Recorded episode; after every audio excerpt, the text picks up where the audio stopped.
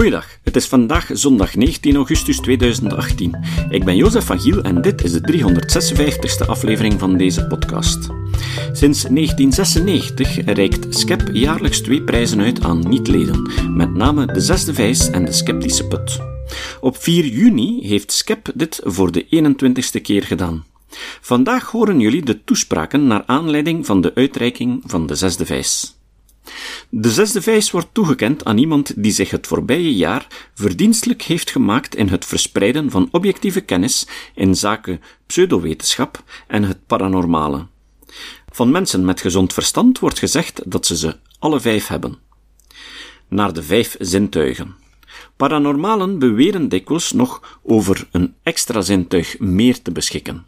Welnu, de zesde vijs wordt uitgereikt aan mensen die bewezen hebben over een extra portie gezond verstand te beschikken, door in de media op te vallen door een genuanceerde, kritische kijk op de zaken of door een grondig gedocumenteerd betoog. Bij deze prijs hoort een trofee, de PDW-trofee, genoemd naar Patrick de Wette, die jarenlang voorzitter was van de prijzencommissie. PDW, met de bril op het voorhoofd, de man die met zijn hersenen keek, is een blijvende inspiratie voor het SCEP-team. De zesde vijs 2017. Dus de sceptische putwinnaars zijn niet uh, opgedaagd, anders hadden ze deze mooie trofee gekregen. Uh, Kromme Vijs, een uh, creatie van de echtgenote van Fred Wouwmans, ook bestuurslid van SCEP. Dan ga ik het woord teruggeven aan Jozef voor de, om motivatie te geven voor onze zesde vijsprijs. Uh, en dat wordt dan gevolgd door dokter Lissens, die meer gaat vertellen over de winnaars. Ook voor de zesde vijs gaan we nu over één dag ijs. We zoeken een aantal gezonde vaardigheden die tamelijk uniek zijn in de sceptische wereld. Want terwijl iedereen zich vergaapte op het wonderbaarlijke kunnen van de geneesheren die in topdokters de revue passeerden, keken onze laureaten met een kritische blik naar de inhoud van hun beweringen. Op die manier wisten de journalisten Maxi Eckert en Mark Eekhout van De Standaard dokter Stefan van Gool te ontmaskeren. Ze ontdekten dat hij onder andere knoeide met klinische studies. Kijk, dat hebben we graag zien. Een bewering wordt algemeen aanvaard als waarheid, of een persoon wordt algemeen aanvaard als een autoriteit op zijn domein. En dan is er iemand die dat in zijn hoekje kritisch bestudeert en zijn nek uitsteekt om de waarheid naar boven te laten komen. Onze laureaten hebben dat met glans gedaan. Daarom denkt de prijzencommissie dat dit jaar Maxi Eckert en Mark Eekhout de 21ste PDW-prijs meer dan verdiend hebben.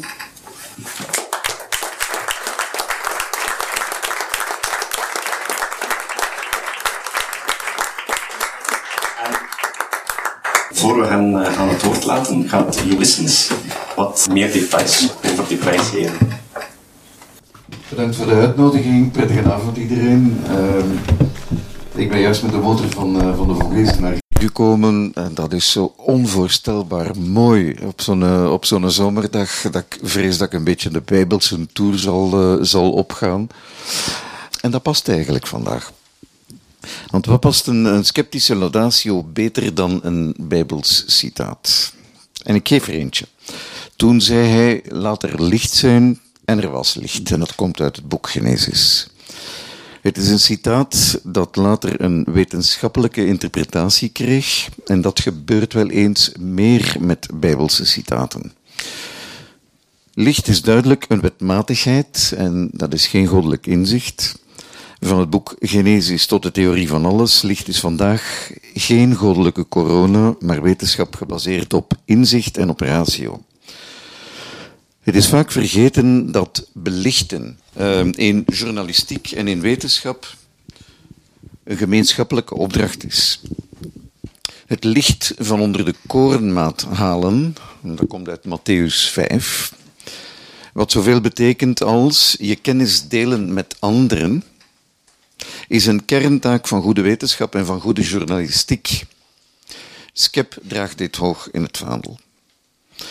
Want beide dienen precies dit, je kennis delen in een tegensprekelijk debat dat gebaseerd is op feiten die open en verifieerbaar zijn, wat men tegenstelbaar noemt.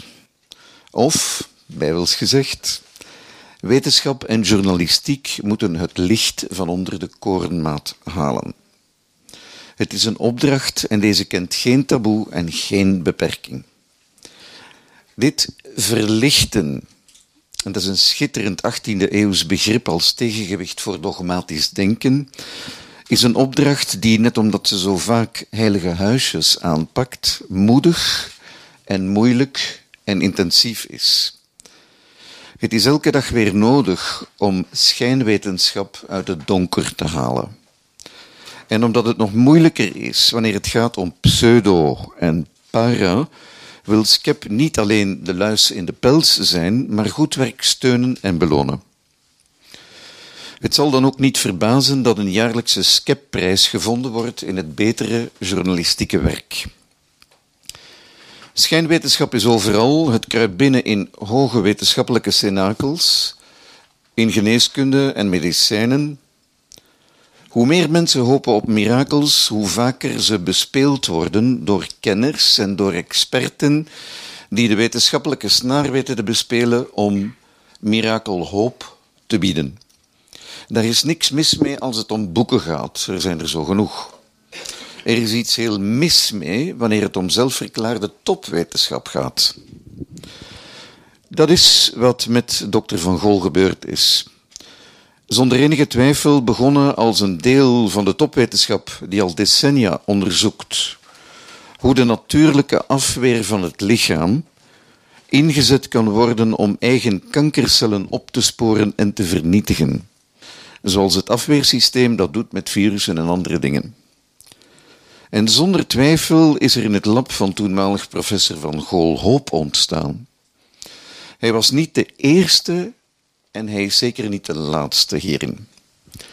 Grote farmaceutische bedrijven zoals GSK hier in België bijvoorbeeld hebben een tiental jaar geleden onderzoek gevoerd naar het activeren van het lichaams-eigen afweersysteem om kanker te bestrijden. Ook hier waren de laborresultaten hoopgevend. GSK heeft, zoals dat hoort, gigantische internationale studies opgezet, klinische studies opgezet volgens de regels van de kunst, en heeft na jaren onderzoek moeten concluderen dat ze er nog niet zijn. GSK was even fier als dokter Van Gool op de doorbraakontdekking die ze deden, en even teleurgesteld toen ze er jaren en vele miljoenen euro's later een streep moesten ondertrekken. Het lichaam en zijn immuunsysteem zitten heel ingewikkeld in elkaar.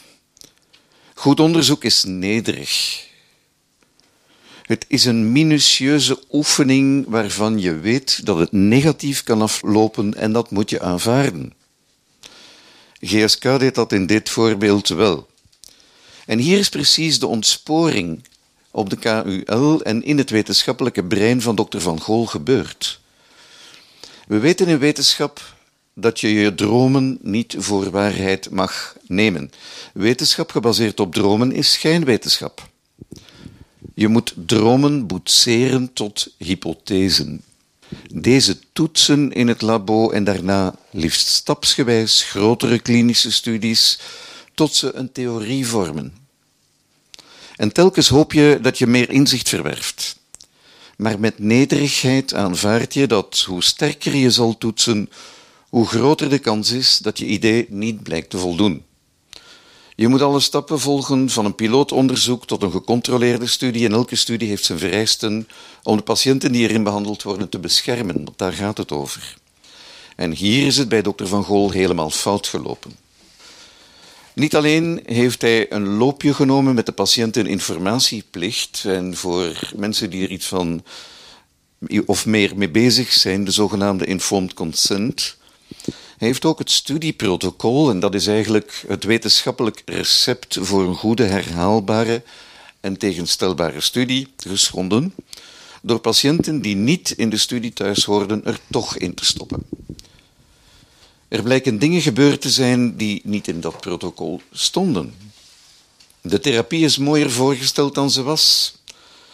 Ze is voorgesteld als gebaseerd op feiten, terwijl ze nog op experimenten stoelde. Er was geen op voorzichtige opbouw van labo naar patiënt, er was een bruske sprong.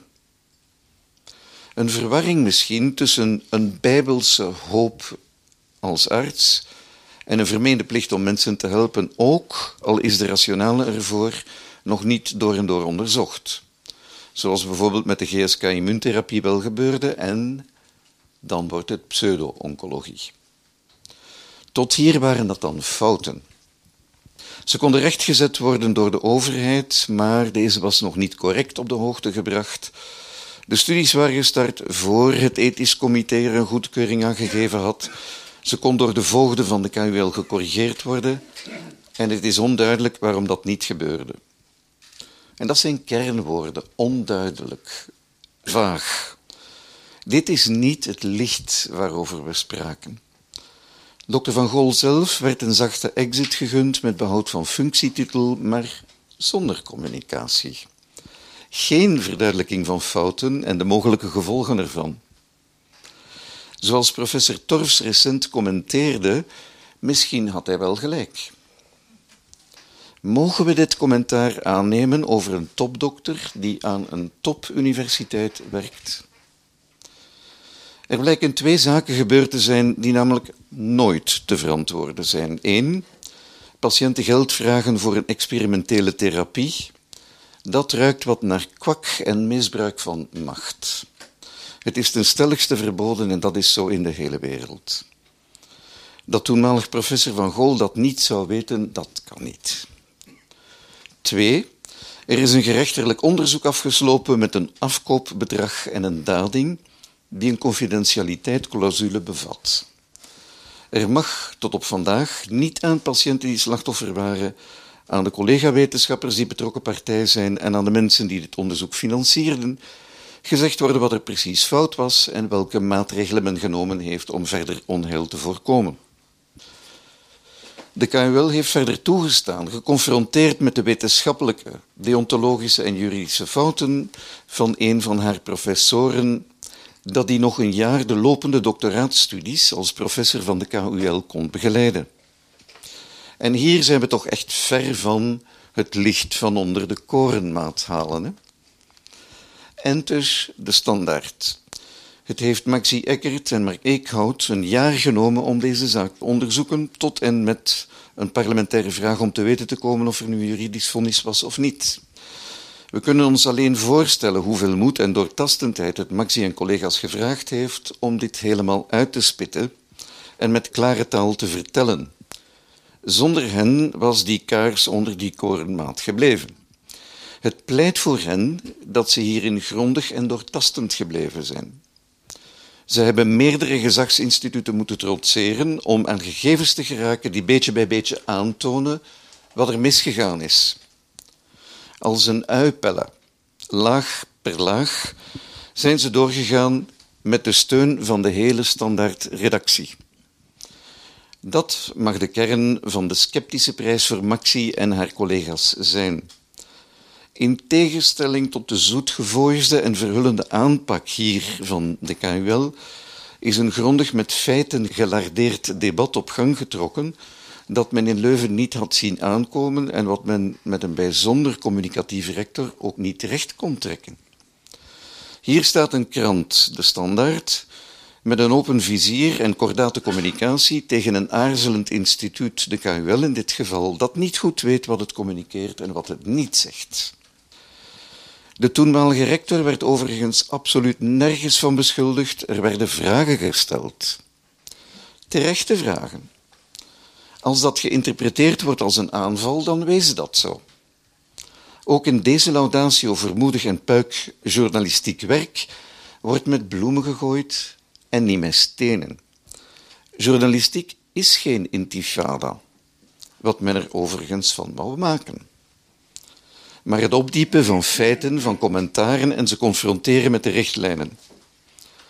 Deze klopten nergens met de regels van goed wetenschappelijk onderzoek en dat is ter verduidelijking voorgelegd aan de top van de KUL. Goede journalistiek respecteert het wederwoord. Slechte verliezers geven dat niet.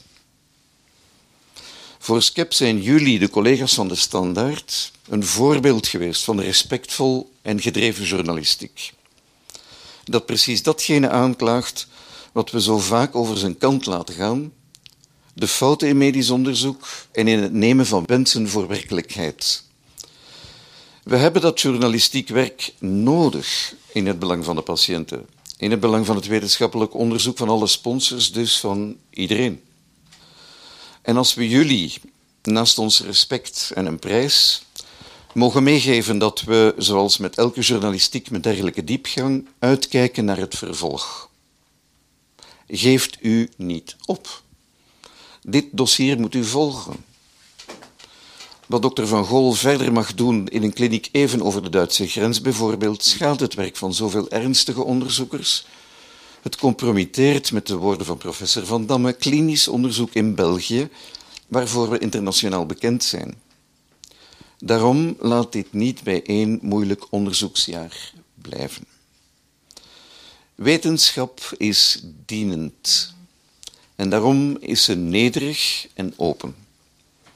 Met SCEP en de Standaard geloven we rotsvast in goed en gedreven onderzoek, waarin we geen wensen voor werkelijkheid nemen, waarin we toetsen wat we vermoeden en waarin we communiceren wat we weten.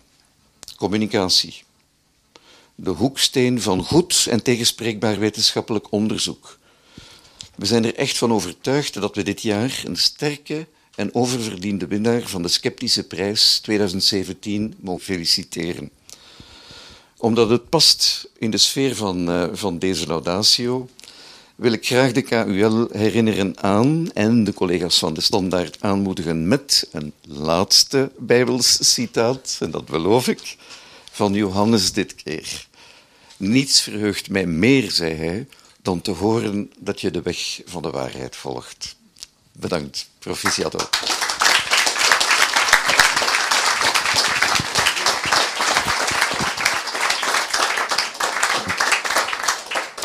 Dan ga ik nu de micro overgeven aan onze winnaars om iets te vertellen over hun avonturen. Ik weet niet wat Mark...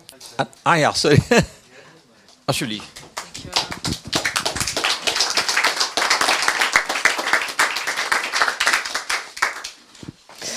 Ja, dames en heren, beste juryleden, beste leden van SCEP. Eerst en vooral uh, grote, grote dank voor deze prijs. We zijn er heel blij mee. Het is een... Uh... ook. Voor de... Heel mooie laudatie. Ja, ja. Zeer rake woorden. Uh, het is een heel mooie bekroning voor, um, voor ons werk. Het was een uh, zeer taai onderzoek, moet ik zeggen, uh, dat lang heeft geduurd, langer dan ik zelf had verwacht. Toen in uh, mei 2015 bekend geraakte dat Stefan van Gol vertrokken was uit Leuven, of uit het UZ Leuven in eerste instantie, dacht ik, uh, dat gaat me twee dagen bellen kosten en dan weet ik wel wat er aan de hand is geweest, dat hij moest vertrekken, maar het heeft dan toch anderhalf jaar geduurd vooraleer dat we konden publiceren. Maar ik denk dat het wel um, belangrijk was dat we hebben doorgezet, dat we toch dit onderzoek hebben gevoerd, want um, ze zijn nog niet te sprake gekomen. Maar waarom dat het mij zo aan het hart, zo na aan het hart lag, was omdat het uh, over uh, kinderen ging. Het ging over uh, kinderen met een levensbedreigende hersentumor die in behandeling waren bij Stefan van Gool patiënten in een zeer kwetsbare situatie, ouders die dat er alles voor zouden doen, die zich vastklampen aan ja, elk sprankeltje hoop dat ze zouden krijgen. Ze kregen valse hoop van Stefan van Gool en um, ja, daarom was het zo belangrijk om, om dat verhaal uh, te vertellen. Dus um, toch wat mijn deel uh, van de prijs betreft, wil ik eigenlijk de, ja, die opdragen aan de personen die hebben bijgedragen um, tot het. Uh, ja, tot het onderzoek. Personen die de moed hadden om er met ons over te spreken, terwijl ze er niets bij te winnen hadden. Die verontwaardigd waren over de gang van zaken. Uh, want zonder hen was het niet gelukt om dit, om dit uh, rond te krijgen. Maar vanavond vooral ook bedankt aan u. Wil jij er nog iets aan toevoegen? Ja, ik, uh, ik wou er eigenlijk weinig aan toevoegen. Um, Want 95% van het werk is gedaan door Maxi. Ik heb eigenlijk alleen maar gefungeerd als kritische backup. Dus niet alleen jullie zijn kritisch, maar wij ook. En ik heb Maxi geholpen waar ik kon. En ik ben vooral heel blij voor haar, omdat dat inderdaad, zoals Maxi zegt, helemaal geen makkelijk onderzoek was. U mag ook niet vergeten, Rick Tors was op dat moment onze columnist. Dus dat maakt het allemaal extra moeilijk. Hè? Het is niet zo simpel om iemand uit eigen huis met de vinger te wijzen. Dus ja, dat heeft, dat heeft wel wat moeite gekost en doorzettingsvermogen, maar we zijn eerlijk gezegd uh, allee, heel blij dat we het gedaan hebben, vooral Maxi dan. En we zijn ook heel blij dat jullie dat gezien hebben. Voilà, meer heb ik daar niet aan toe te voegen. Dat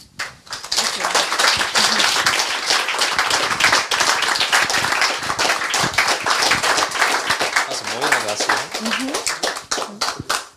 Bij de prijs hoort ook een uh, trofee. Yvette Kroes is uh, glaskunstenares. Zij is de echtgenote van Fred Wouwmans, stuurslid. Zij was ook de, een van de drijvende krachten achter onze, uh, onze diner parlant, dat we al een aantal keren hebben georganiseerd. Ik moet haar altijd uh, elk jaar vertellen van wie de prijs gewonnen heeft en laat ze haar inspiratie daarop los en maakt ze een werkje speciaal voor de winnaars. Het is glas, het is breekbaar. Ik heb een uh, doos bij met veel bubbelplastic uh, om het in te pakken. Ze heeft me verteld wat dat de betekenis was. Ik ben dat eigenlijk uh, een beetje vergeten. maar het heeft ermee te maken de, de, de, de, informatie die, jullie, die, die binnenkomt en door jullie wordt uh, gesmeed tot een zesde vijs. Die Paul, een, uh, Paul een messcherp dossier. Een ah ja. Messcherp dossier. Ah ja, dat zijn messcherpe glazen objecten. Ik hoop dat dat een mooie plaats krijgt bij jullie. Zeker, zeker. En niet laten vallen. Nee. Uh, hou het hier heel voorzichtig vast. Ja, ja. Proficiat.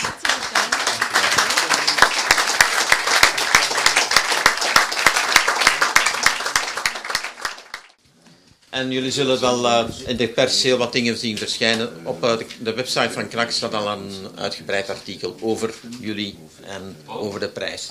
Ik zou er eens willen op wijzen dat uh, Mark Eekhout onze prijs ooit al eens jaren ja, ja. heeft.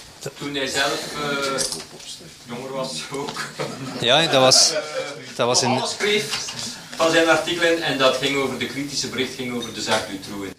Ja, klopt. Ah, ja. Dat is 15 jaar geleden ondertussen. En ik was daar toen ook heel blij mee. Voilà. Ja. Waarvoor dank nog eens. Ja, dank u wel. Ah, ja, en heel toevallig, er is toen een, een lezersbrief van mij in, uh, verschenen in Krak, waarbij ik uh, heel positief reageerde op dat... Uh... Is het waar? Ja. Ik had er niet meer aan gedacht. Dat is inderdaad zoveel jaren geleden. Ja absoluut. Ja dat, was over, ja, dat was eigenlijk over heel de berichtgeving, maar vooral over de X'en dan. Hè. Dat was uh, een rare periode. Mm -hmm. Ja, de, maar goed, ondertussen lang geleden. Waarover, ja. waarover zoveel onzin verteld werd. Absoluut, ja, maar absoluut. Ja. Paul, mogen we vragen stellen? Ah ja, sorry. Ja, ja. Een hele goede suggestie van Patrick vragen voor onze winnaars. We kunnen nog heel veel, heel veel leren van hun, denk ik. Misschien moet je teruggeven straks. Dat is een hoax. Vele onderzoek. Nee, ik uh, ben zelf nog wel actief in die bunken. Uh, maar ik krijg daar toch soms ook wel wat stress van. Want uh, wat je nooit weet is uh, hoe ver willen ze gaan bijvoorbeeld om jou voor de rechter te slepen, om een proces aan te doen, om een zware schadevergoeding te claimen. En je hebt je toch aan een hoge boom geschud. Ik wou eens weten in hoeverre dat uh, aan de orde is geweest en hoe jullie daarmee omgaan intern. Maar ik, wou, ik denk eigenlijk, daar is het zal misschien raar overkomen, maar er is nooit een probleem mee geweest. Uh, onze hoofdredacteur heeft dat meteen begrepen. Um, hij heeft dat ook meteen gezien en hij heeft ook meteen gezegd, geen probleem. Als jullie zeker zijn, doe maar. Dan komt het ook neer. Maar het heeft wel anderhalf jaar geduurd eer we zeker waren. Dus mm het was niet zomaar hapselijke weg. Hè. Maxi heeft heel veel documenten uh, gekregen, ingezien, gelezen, vergeleken. Dus uh, ik toen we schreven was het echt wel waterdicht. waterdicht ja. Ik heb nog een vraagje. ehm, en dat past een beetje in, in onderzoeksjournalistiek in het algemeen. Ehm, je krijgt dan een fantastische serie artikels en nadien zoek je en dan is er niets meer. Zijn jullie van plan bij de standaard om. Dit is een, een heel duidelijke aanleiding, hè, dus het gaat door ehm, in Duitsland. Zijn jullie van plan om dergelijk diepgravend werk ook op te volgen in de tijd? Ja, wat eh, Van Gool in Duitsland aan het doen is, ehm, dat is op zijn minst twijfelachtig. Er zijn ook Duitse experts die dat er twijfels over hebben.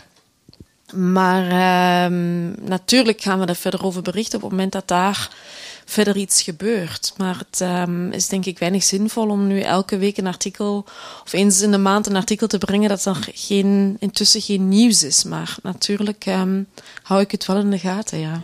Ja. Het mag ook niet gaan lijken op een vend- vendetta tegenover Van Gogh. Dus wij hebben ons ding gedaan. Dat was groot en duidelijk genoeg.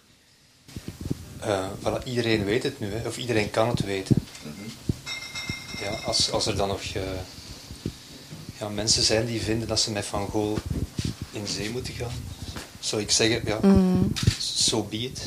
Dat klinkt misschien vreemd, maar het is ook niet onze taak om hem aan het kruis te Het gaat meer over het principe van als je ene keer al, die, al dat eh, werk doet, dan heb je ook de beste, eh, ben je in pole position eigenlijk om een, een dossier verder op te volgen. Want nu is ook de Duitse overheid bijvoorbeeld niet gelukkig met de wetgeving die daar niet aangepast blijkt aan de klinische studies die, eh, die gebeuren, of aan misbruik, mis, misbruik, inter- interpretatie daarvan.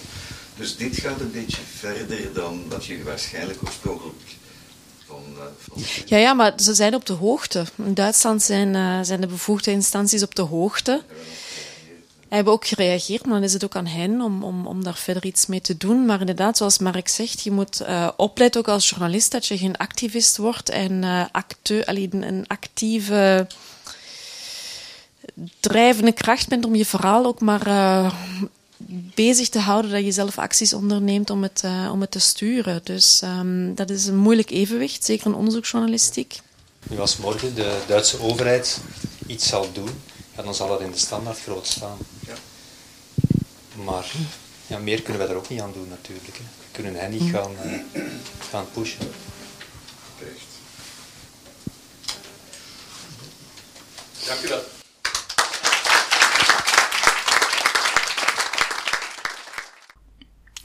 Het citaat. Het citaat van vandaag is van Steven Pinker. Pinker is een taalkundige en psycholoog. Pinker zei: Dit zijn dingen die het leven de moeite waard maken. Scholen, ziekenhuizen, geneeskunde, riolering, kunstmest die honger voorkomt, tractoren die kinderen van landarbeid bevrijden, elektrische toestellen die vrouwen uit de keuken bevrijden, schone energie. Het kost allemaal geld. In rijke landen als Denemarken is het leven echt wel beter dan in arme landen als Afghanistan. De mensen zijn daar niet alleen gezonder en hebben niet alleen meer comfort, maar zijn gemiddeld ook toleranter en democratischer. Er is meer gelijkheid tussen mannen en vrouwen, de mensen zijn milieubewuster en gelukkiger. Mensen in rijke landen die neerkijken op het verlangen naar welvaart van mensen in arme landen zijn arrogant en harteloos. Tot de volgende keer. Deze podcast is het resultaat van het werk van veel mensen. Rick de Laat verbetert bijna al mijn teksten en maakt de meeste vertalingen. Emiel Dingemans verzorgt onze website en Facebookpagina. Ook Leon Korteweg en Stefan Sutens schrijven, vertalen of verbeteren soms artikelen. Leon onderhoudt bovendien het YouTube-kanaal van deze podcast. De muziek van de intro en de trailer heeft Nick Lucassen geschreven en soms maken we ook gebruik van muziek van Ad van Nederpelt, die ons zijn prachtige composities ter beschikking stelt. Dit was de podcast Kritisch Denken. Vergeet niet om alles kritisch te behandelen, ook deze podcast. Voor verdere informatie over deze podcast, links en voor de tekst, surf naar www.kritischdenken.info. Als je deze podcast belangrijk vindt, kun je me steunen door anderen warm te maken ook eens te luisteren. Stuur een e-mail naar vrienden met een link naar de website en plaats de link in de handtekening van je e-mails. Tevens kun je op iTunes deze podcast een beoordeling geven of een recensie schrijven. Of je kan op je eigen website of blog een link naar kritisch denken plaatsen.